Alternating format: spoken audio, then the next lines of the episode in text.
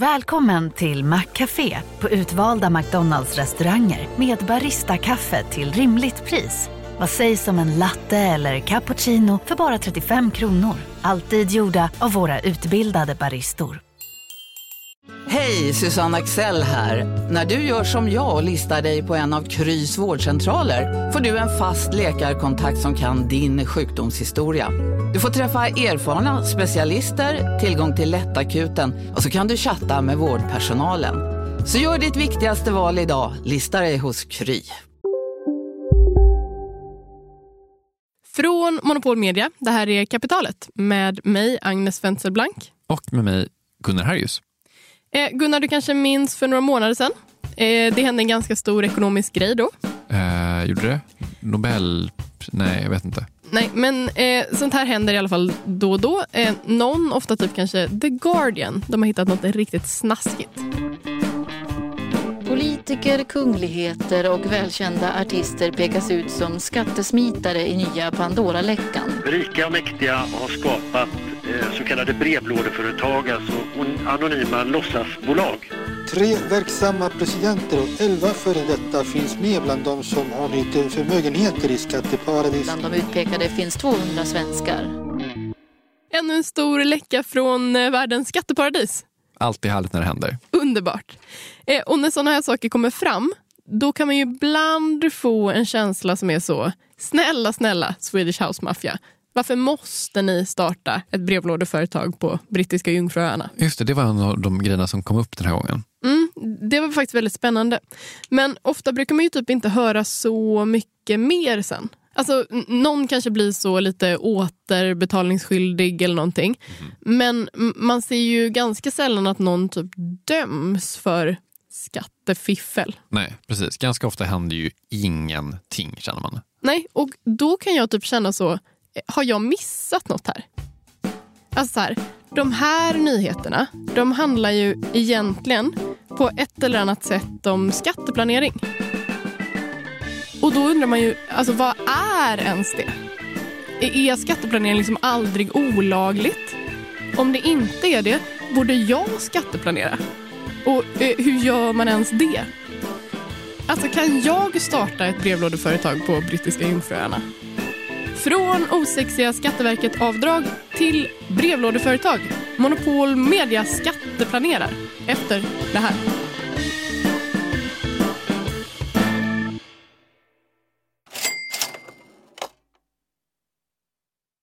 Kapitalet sponsras av SPP och Storebrand Asset Management.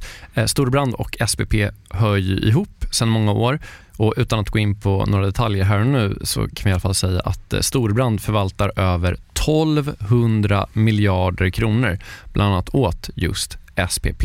Och du har ju träffat Storbrand, Jakob, och pratat om eh, Kina Ja, eh, vi, vi pratar i alla fall om hur Kina blivit en sån otroligt viktig del i omställningen av energisystemet. Eh, över 70 procent av värdekedjorna inom vind och solkraft kontrolleras av Kina, vilket mm. är otroligt när man tänker på det. Ja. Och Det handlar om att Kina väldigt tidigt insåg att energi är makt och att man genom sol och vindkraft kan göra sig typ fri från att importera olja och gas och sånt. Then if you think that tomorrow or today's you know power base is going to in a large part be about renewables, then obviously having a stranglehold on those renewables and all the technologies that go into it is going to be part and parcel of that power play. Eh, det här är då Philip Ripman som ansvarar för Storbrand Global Solutions, eh, en fond som investerar i lösningsbolag över hela världen. Mm. Och hela det här avsnittet om Kina och geopolitiken som nu liksom är invävd i den globala omställningen, eh, den släpper vi som en bonus här i kapitalet nu i veckan. Ja, och mer information om Storbrand kommer vi få i kommande avsnitt och eh, man hittar också förstås mer om man vill ha det här och nu på storebrand.se. Vi säger stort tack till SPP och Storbrand. Tack!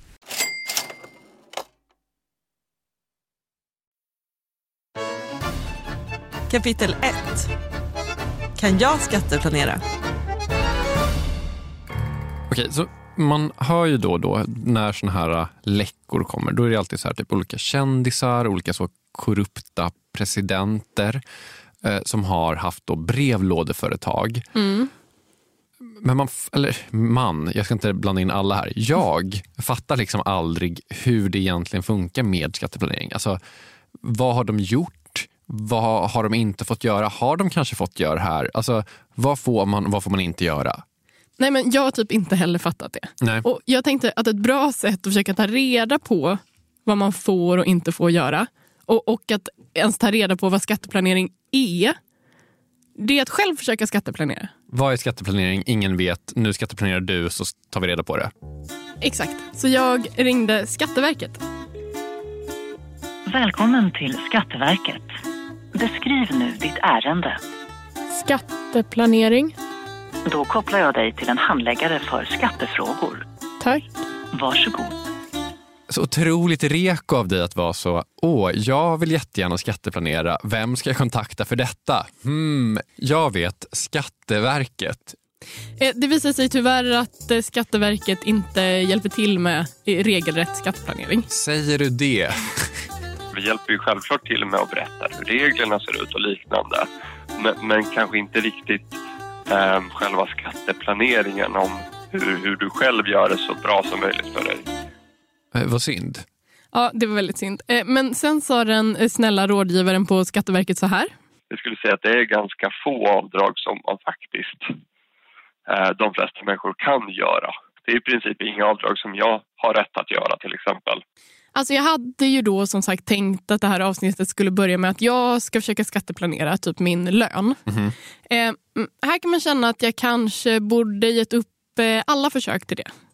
Men det gjorde du inte. Skam den som ger sig. Ja, eh, jag tänkte det skadar ju inte att fråga någon mer om det här. Nej. Eh, till exempel eh, nationalekonomen Daniel Waldenström. Eh, han eh, jobbar på Institutet för näringslivsforskning och han har eh, forskat på skatter på olika sätt. Att hålla på och ägna sig åt skatteplanering är inte eh, någonting man vill rekommendera någon.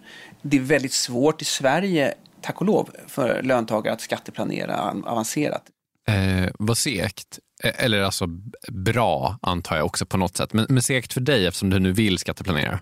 Eh, ja, eh, han tyckte verkligen inte att det var en eh, toppenidé. Men eh, det kan finnas andra sätt att göra det här på.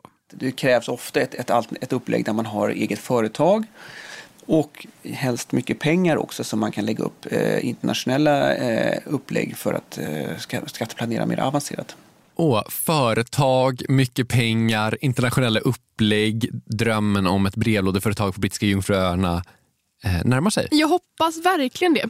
Eh, det råkar ju vara så att vi har ett företag. Vi och vi. Jag har lite ett företag men mest har Jakob ett företag. Mest har verkligen Jakob ett företag. Så om jag inte kan testa att skatteplanera eh, själv liksom, för att fatta hur det funkar, då kanske Monopol Media kan göra det. Mm. Det, det är alltså företag som gör den här podden. Exakt. Mm. Först var jag då såklart tvungen att fråga eh, Daniel Waldenström vad han tyckte om den här idén. Är det dumt att ett företag ska, ska skatteplanera på det sättet? Skatteplanering är som sagt inte kanske någonting positivt i sig. Eh, men företagen har vi skapat som institution för att hantera just relationer eh, med andra företag och eh, det handlar om ägare och det handlar om anställda. Och allt det där är är någonting som inbegriper planering, redovisning, bokföring som också då är kopplat till skattesystemet.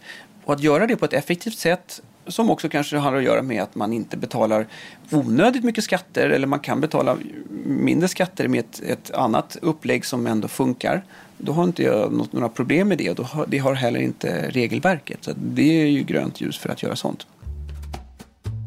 Så företag är ju då enligt Daniel Waldenström typ uppbyggda på ett sätt som gör att man nästan måste syssla lite med skatteplanering. Och då ska vi vara extremt tydliga liksom och säga då att vi liksom reda ut att skatteplanering i sig är ju liksom inte olagligt. Nej, alltså det finns ju liksom sån helt reko, laglig skatteplanering som också typ Skatteverket tycker är jättebra. Ja. Alltså du kan välja att flytta lite pengar från en del av företaget till en annan del av företaget så att du betalar lite mindre skatt. Nu gissar jag lite, men jag gissar att typ tjänstepension kanske är avdragsgillt och rent tekniskt sett så är det kanske så att tjänstepension, att dela ut det till sina anställda, vilket ju är objektivt positivt, men tekniskt sett så är det skatteplanering. Ja. Och om man kan då göra det här på ett bra sätt, så eh, varför inte? Daniel Waldenström säger grönt ljus. Kapitel 2.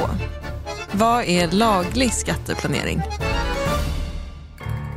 Trots att jag då oftast har ett eh, otroligt gott självförtroende och brukar kalla mig själv för så monopolmedias framtid och så vidare, eh, så kände jag ändå att att skatteplanera för ett företag kanske ligger eh, lite utanför mitt kunskapsområde.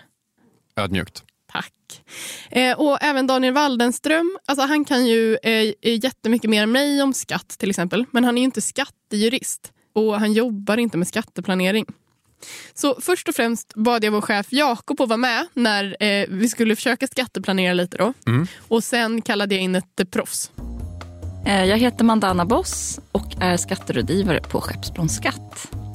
Du har alltså hittat ett äkta skatteplaneringsproffs, Mandana Boss. Ja, utom att eh, Mandana Boss själv kanske inte gillar att kalla det just eh, skatteplaneringsproffs. Precis, för jag tror att eh, skatteplanering används liksom om allt idag.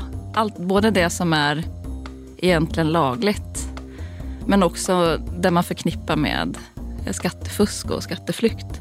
Då klingar det lite negativt, tror jag.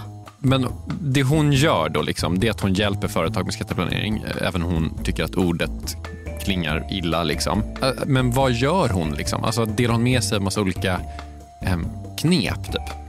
Knep och sådär, nej, det skulle jag inte vilja säga. Utan man får nog titta på varje eh, företagsspecifika behov.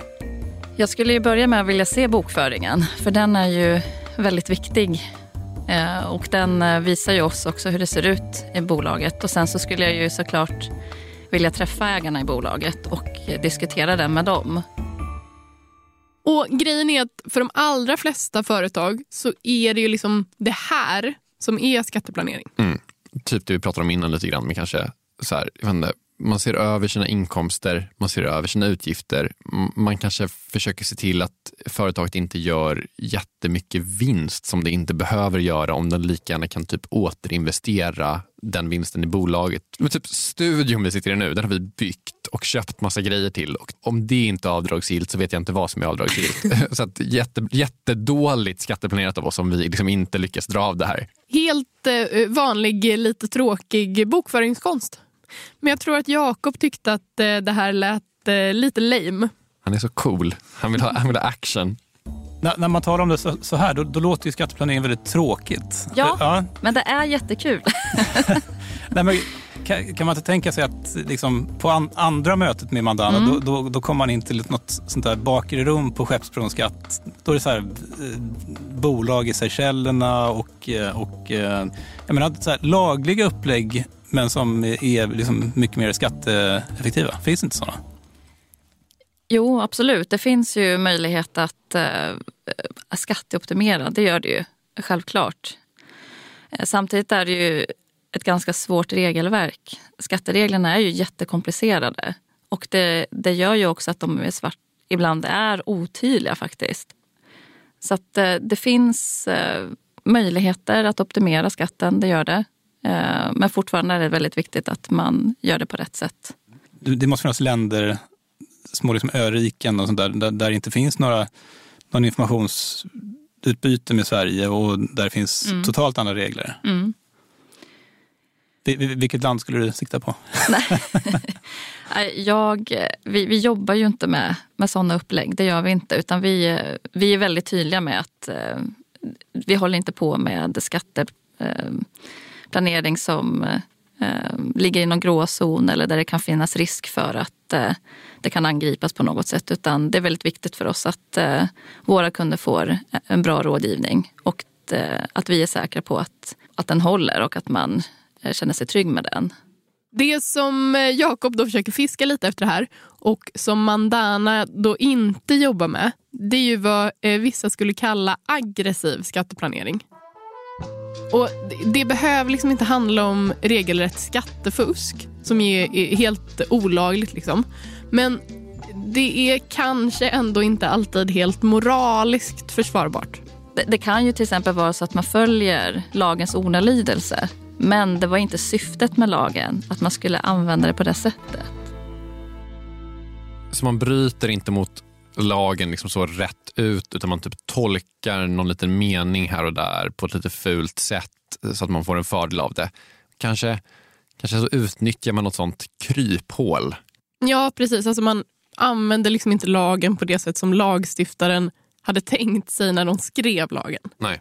Och mellan det som liksom är, är helt och hållet lagligt och moraliskt försvarbart och så vidare och det som är helt olagligt, där uppstår det liksom en gråzon. Och det är i den här gråzonen som många av de mer avancerade och då aggressiva skatteplaneringsuppläggen finns. Kapitel 3 Gråzonen. Alltså okej, innan vi kommer till vad den här gråzonen är så kanske vi bara ska prata lite om hur det ens kan uppstå en gråzon. Ja, vi pratade lite om det i eh, avsnitt 214 av kapitalet som heter Moneyland.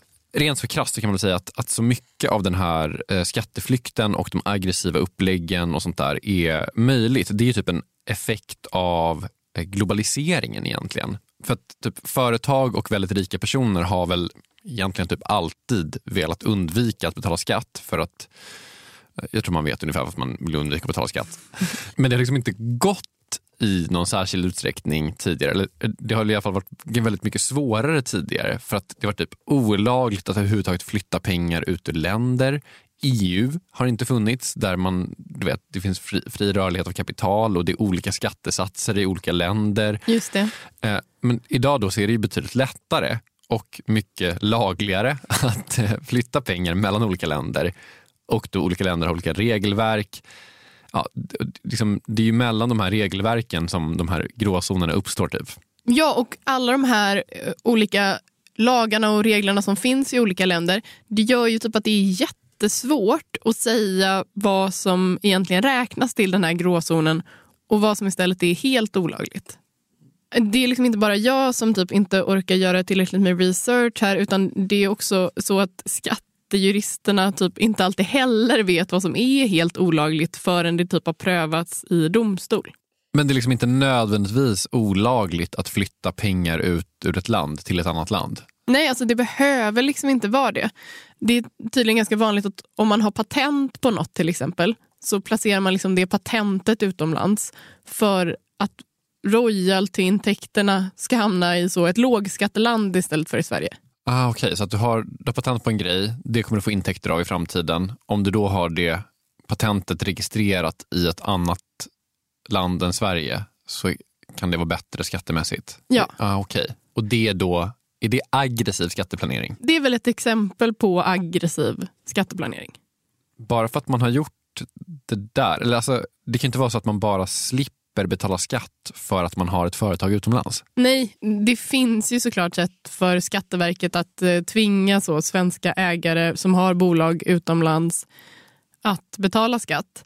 Men det hänger ju också på att de här personerna rapporterar till Skatteverket att de tjänar pengar på sitt utländska bolag. Och alltså att inte berätta om alla sina tillgångar eller typ så inkomster utomlands, det är ju olagligt. Okej, så där går det någon slags gräns. Det är alltid olagligt att inte rapportera om sina tillgångar. Det är det. Okej.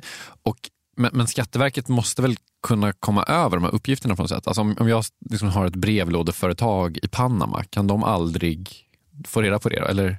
Om du skulle starta ett brevlådeföretag just i Panama så eh, skulle de kunna få reda på det. För med Panama har liksom Sverige ett sånt informationsutbytesavtal som gör att de måste berätta att du har ett brevlådeföretag där. Men Skatteverket kan liksom inte ringa Panama och säga så. Eh, kan vi få veta alla svenskar som har ett brevlådeföretag i Panama? Utan de måste fråga, har Gunnar Harjus ett brevlådeföretag i Panama? Obs har inte det och har inga planer på det heller. Eller? Eller? Men alltså, så länge man eh, deklarerar alla sina inkomster så behöver det liksom inte vara olagligt att starta ett brevlådeföretag. Däremot kanske det då, eh, som Mandana beskrev det tidigare, går emot syftet med lagen. Fattar. Så där är liksom den spännande eh, gråzonen. Ja, exakt. Men, alltså då, om jag får vara lite sån. Det är inte så bra att ha en gråzon. Eller alltså det blir väldigt otydligt vad som faktiskt gäller. Nej, och eh, där får du också medhåll från nationalekonomen Daniel Waldenström. Gråzoner i skattesystemet är aldrig bra. Så att tydlighet och enkelhet för alla som är inblandade när det gäller att betala skatt, det leder till ett bättre skattesystem och mindre fusk och mindre, mindre kostnader för, för samhället i stort. För som sagt är det ju liksom de här gråzonerna som gör aggressiv skatteplanering möjlig. Mm.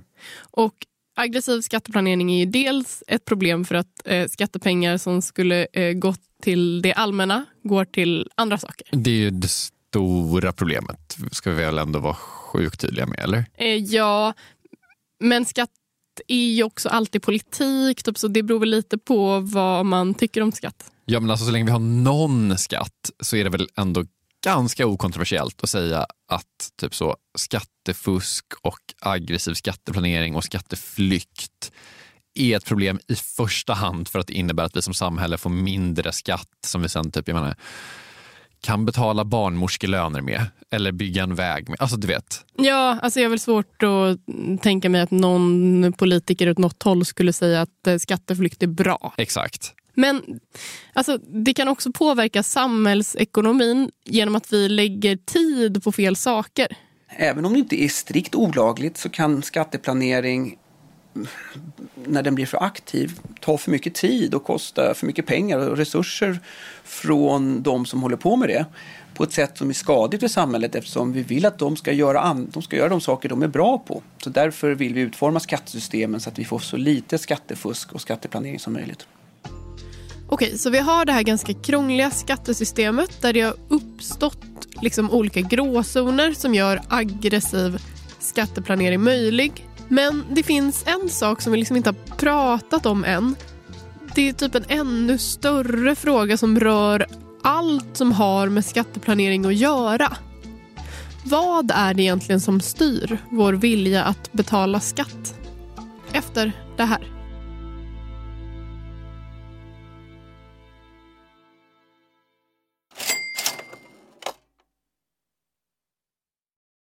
Jakob, vi har ett samarbete med Pareto Business School och det här är jag rejält nyfiken på. För Ja. att eh, eh, så här, vi jobbar ju sida vid sida, bokstavligen, sitter bredvid varandra och då och då så håller du upp ett finger och säger nu måste du vara tyst i en timme för nu ska jag eh, göra något Pareto. Exakt. Ja. Jag, gillar ju att lära mig nya saker, det, gör ju många journalister. Eh, Så den här våren går jag då en åtta veckor lång så kallad mini-MBA. Alltså jag hade gärna gått en riktig MBA också, men, men ja, inte tiden det kräver och, och framförallt ingen arbetsgivare som vill betala 800 000 för att låta mig göra det. Nej, eller kanske du har, du är ju arbetsgivaren. ja, snål, snål arbetsgivare. Mm. Eh, det- Det är då Jens Bäckbom och Mattias Eklöf, två svenska entreprenörer som har skapat den här utbildningen just eftersom det finns ett gigantiskt hål mellan typ YouTube-filmer och en, en riktig MBA. Ja, och det här är då Pareto. Exakt, Ja. Pareto MBA. Eh, Paretos utbildning kostar cirka 25 000 kronor och, och under åtta veckor så lär man sig jättepraktiska och tillämpbara modeller för hur man startar, skalar upp, driver och säljer bolag. Eh, Jens och Mattias eh, de håller själva i många av föreläsningarna. De är garvade entreprenörer båda två. Mm. Och har man så olika gästföreläsare som kom in. Mm. Typ någon kille som, som eh, var expansionschef på Spotify, någon som körde marknadsföring på Revolut, eh, en kille som driver Sveriges största campingkedja, Mm. som har varit med i kapitalet faktiskt, Johan Okej. Sör. Ja. Ja, just det. Också varit en helt otrolig svensk eh, entreprenör som byggt massor med grejer i Vietnam. Alltså makalösa berättelser. Ja, wow. Eh, Så den här kursen består av en blandning förinspelade moment och seminarier, men man går också i då så här kohorter tillsammans med andra deltagare från Sverige och utlandet. Jättenyttigt, eh, eh, tidseffektivt och funkar jättebra för, för den som vill driva egen verksamhet som, som typ vi gör här. Eller om man typ driver projekt och affärer i större bolag. Wow. Om man är taggad på att eh, bli en del av den här, liksom, vad ska man säga, Jakob skolan om man vill bli som dig, lära sig lika mycket som, som du har lärt dig, vad, Ja. vad gör man då? Eh, Nästa kursstart är 5 april. Eh, Så vill man ta ett kliv framåt i sin utveckling eller karriären eller så, gå då till arbetsgivaren och kolla om du inte kan gå den här utbildningen. Priset ligger alltså på 2500 euro, men ni får 10% rabatt om ni anger Monopol Media som referens när ni eh, gör er anmälan. Mm. Eh, Man kan också gå in på paretoschool.com för att eh, läsa mer och ja, se lite smakprover från själva utbildningen. Då. Mm. Så att eh, man sparar jättemycket pengar i för att gå Handels MBA och man sparar ytterligare pengar om man tar del av eh, Monopol Media-erbjudandet. Ja, exakt. Ja, en no-brainer som vanligt. Plus att man blir ju eh, alumnkollega med mig då. Verkligen. Så stort, stort tack till eh, Pareto Business School och eh, gå in på paretoschool.com.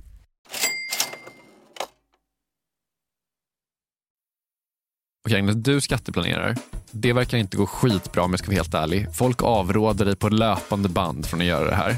Först olika akademiker, sen också en skattejurist som säger att visst, vi kan kanske göra lite grejer här, men något flådigt brevlådeföretag för dig, det verkar det ju inte bli. Nej, det går väl eh, kanske helt okej. man Lite besviken om jag får vara sån. Ja, det är som det. Alltså, brukar du tänka mycket på hur mycket skatt du betalar? Alltså, jag tänker på typ hur mycket folk betalar i skatt, för jag tänker politik ganska ofta. Men jag tänker jättesällan på eh, hur mycket privatpersonen Gunnar Harrius betalar skatt. Alltså, det är typ när man får deklarationen och så bara så här, glad att det inte varit någon restskatt. Typ. Alltså så. För jag tycker att det är intressant. Det finns liksom någon sorts större perspektiv här. Som, som ju handlar om typ vad det egentligen är som påverkar vår inställning till att betala skatt. Och Det här eh, kallas för eh, skattemoral. Kapitel 4. Skattemoralen. Det finns ju liksom massa saker som påverkar vår benägenhet till att vilja betala skatt. Bara uh, off the top of my head, typ, uh, tycker vi att de här pengarna verkar gå till vettiga saker? Gissar jag är en sak. Om Sverige var liksom typ så ett mega, mega, mega korrupt land där typ så det bara, alla vägar bara brann men vi hade 60 procent i skatt så hade man nog känt typ så här, "Ah, fan de här pengarna går inte till något. Ja, alltså hur vi ser på typ våra politiker och vad de gör med skattepengarna, såklart mycket viktigt. Kanske i, egentligen den viktigaste saken. Mm. I alla fall om man tar det till extremerna. Men enligt nationalekonomen Daniel Waldenström så kan det här också spela in. Ja, en stor skiljelinje eller en grundsyn som påverkar viljan att betala skatt eller synen på skatter är ju vilken roll spelar du för din egen lycka? Så att säga, dina ansträngningar till att utbilda dig och välja en ambitiös karriär och sen få en hög inkomst eh, för att betala då mycket skatt.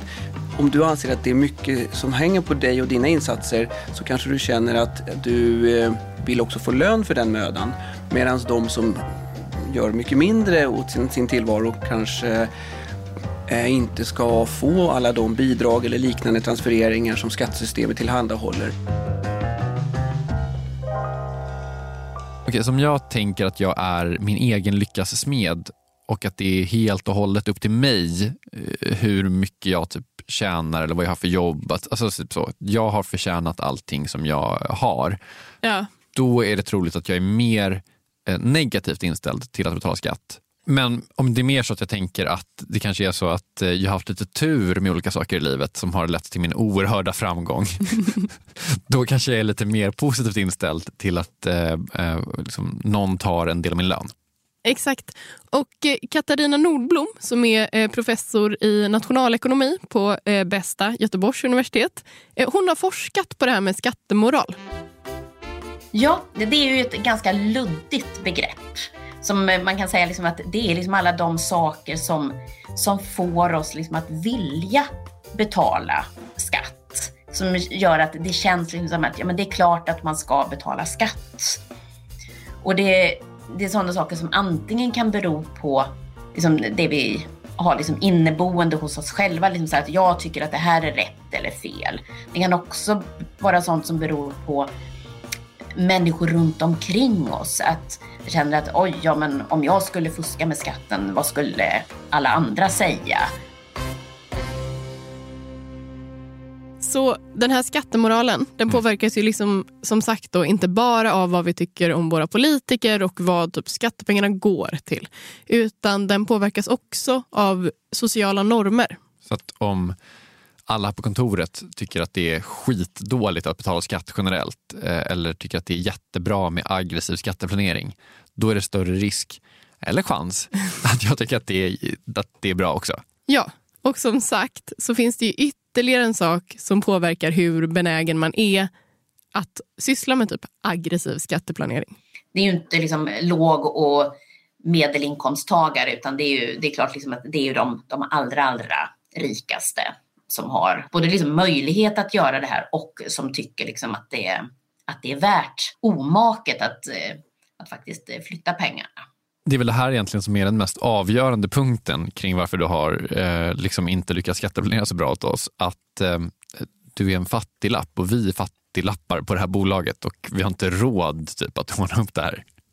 Det är så taskigt att kalla någon för fattiglapp. Det är så att man måste vara jätte, jätterik och att det finns lite av ett eget system där uppe om man liksom kan betala för det och kan betala liksom, tusen jurister för att liksom nå upp i den här stratosfäriska skatteplaneringsvärlden. Liksom, det är verkligen så. Och all, alltså att det bara är de riktigt, riktigt rika då som kan göra sådana här saker, det är kanske inte helt perfekt. I vissa av de här, av de här fallen där det då liksom inte kanske liksom är helt liksom förbjudet utan det faktiskt är lagliga skatteupplägg man gör, så kan ju det också påverka legitimiteten för skattesystemet som sådant. Om det är så att man ser att de allra rikaste, de har möjlighet att faktiskt slippa eh, beskattning liksom på en helt laglig väg. Medan alla vi andra vanliga liksom som, eh, som får liksom slita för brödfödan måste betala skatt. Typ. Och då kan det också vara att legitimiteten minskar, att man tycker då att ja, men varför ska jag betala när de som verkligen har råd inte gör det.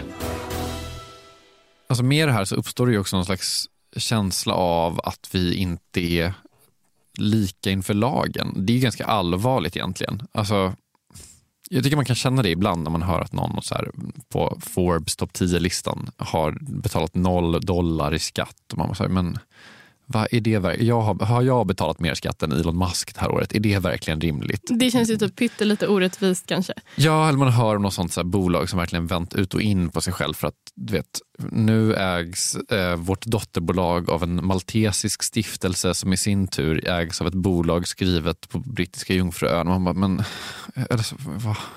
du vet, man blir lite matt typ. Verkligen, och den eh, känslan av att man då inte är riktigt lika inför lagen den är ju som du säger den är problematisk på typ massa olika sätt.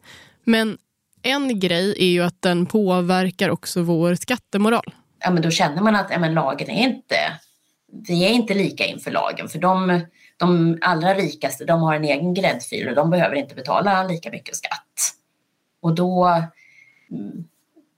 då är det ju verkligen inte bra för då, då är eh, risken väldigt stor att liksom, skattemoralen urholkas. Men okej, så också den här lagliga skatteplaneringen kan påverka den allmänna skattemoralen. Så om man ser att andra människor sysslar med även fullt legitim skatteplanering så blir man lite typ mindre taggad på att vara en, en fungerande liksom, medlem i samhället. Det tycker jag är lite oroväckande för det här avsnittet. Vi har varit lite så ute på djupt vatten. Eh, så det är lite tur då, Agnes, att du har misslyckats med skatteplaneringen och att vi på bolaget inte alls håller på med sånt för visst håller vi inte på med regelrätt skatteplanering? Vet du vad, jag tror faktiskt att jag inte är rätt person att svara på det. Eh, men, men du är ju Jakob. Ja. Du hade ju ett möte då med eh, Mandana Boss där ni mm. pratade om skatteplanering. Eh, och vad landade det Alltså Lyckades du sätta upp något sånt brevlådeföretag på Malta som du ville? Nej, det, jag har inte gjort det faktiskt. Um, men jag var genuint nyfiken på att förstå för att jag är helt säker på att det måste gå. Eh, det är klart det finns massor med sådana här kryphål som säkert tekniskt sett är lagliga, bara att hon kommer inte sitta och tipsa om det. Nej, för hon är en hyvens person. Hon var hyvens rätt igenom. Eh, ja, så det var trevligt. Men det är väl också lite så, tänker jag, som vi varit inne på, att eh, vi är inte alls eh, tillräckligt stora och rika för att ens få ta del av liksom den, den världen, den liksom så stratosfäriska skatteplaneringsvärlden där man måste tillhöra den faktiska globala eliten för att få delta. Jag är inte så säker på att det är så himla krångligt och dyrt egentligen. Eh, jag, tror, alltså, jag gissar att det bara inom EU finns liksom ett smörgåsbord av möjligheter. Men, så vad fan håller vi på med då? Ja, men det, ja, vi, vi har liksom hög moral. men är, det är det på riktigt så att vi inte skatteplanerar överhuvudtaget? Ja, men in, jo, men det gör vi. Det kommer vi fram till. Alltså, I bemärkelsen att vi har gjort exempelvis, eh, vi har köpt saker till vår studio som, eh, och, och som har liksom delat upp den utgiften på flera år. Man liksom skriver av den över, över flera års tid. Vi har också satt upp sådana här periodiseringsfonder för att eh, man ska liksom skatta på vinsten har, vi, vi är ju ett, ett fifflande företag. Nej, det är väl inte. Nej, men det, skatte- där är ju, det, det är ju skatteplanering. Tyvärr då den eh, osexiga delen av skatteplanering. Ja, om jag Ja. får gissa så tänker jag att det här kanske inte påverkar den så allmänna skattemoralen ens bland våra lyssnare att få höra att du har satt upp periodiseringsfonder för, för att sprida ut vår obefintliga vinst. Men eh, så jag kan känna lite också att andra bolag har typ en del, av lära av, en del att lära av oss. Att vi gör det här ganska smakfullt om jag får så banken på vår egen trumma lite grann. Gör som eh, Monopolmedia, skatteplanera exakt lagom. Eh, Det här avsnittet har du gjort, Agnes Wenzel Blank. Jag heter Gunnar Harjus. Vår chef heter vadå? Jakob. Hej. Eh, Kristoffer Krook har eh, mixat det här och eh, vi är tillbaka igen om en vecka. Hej då! Hej då! Hej.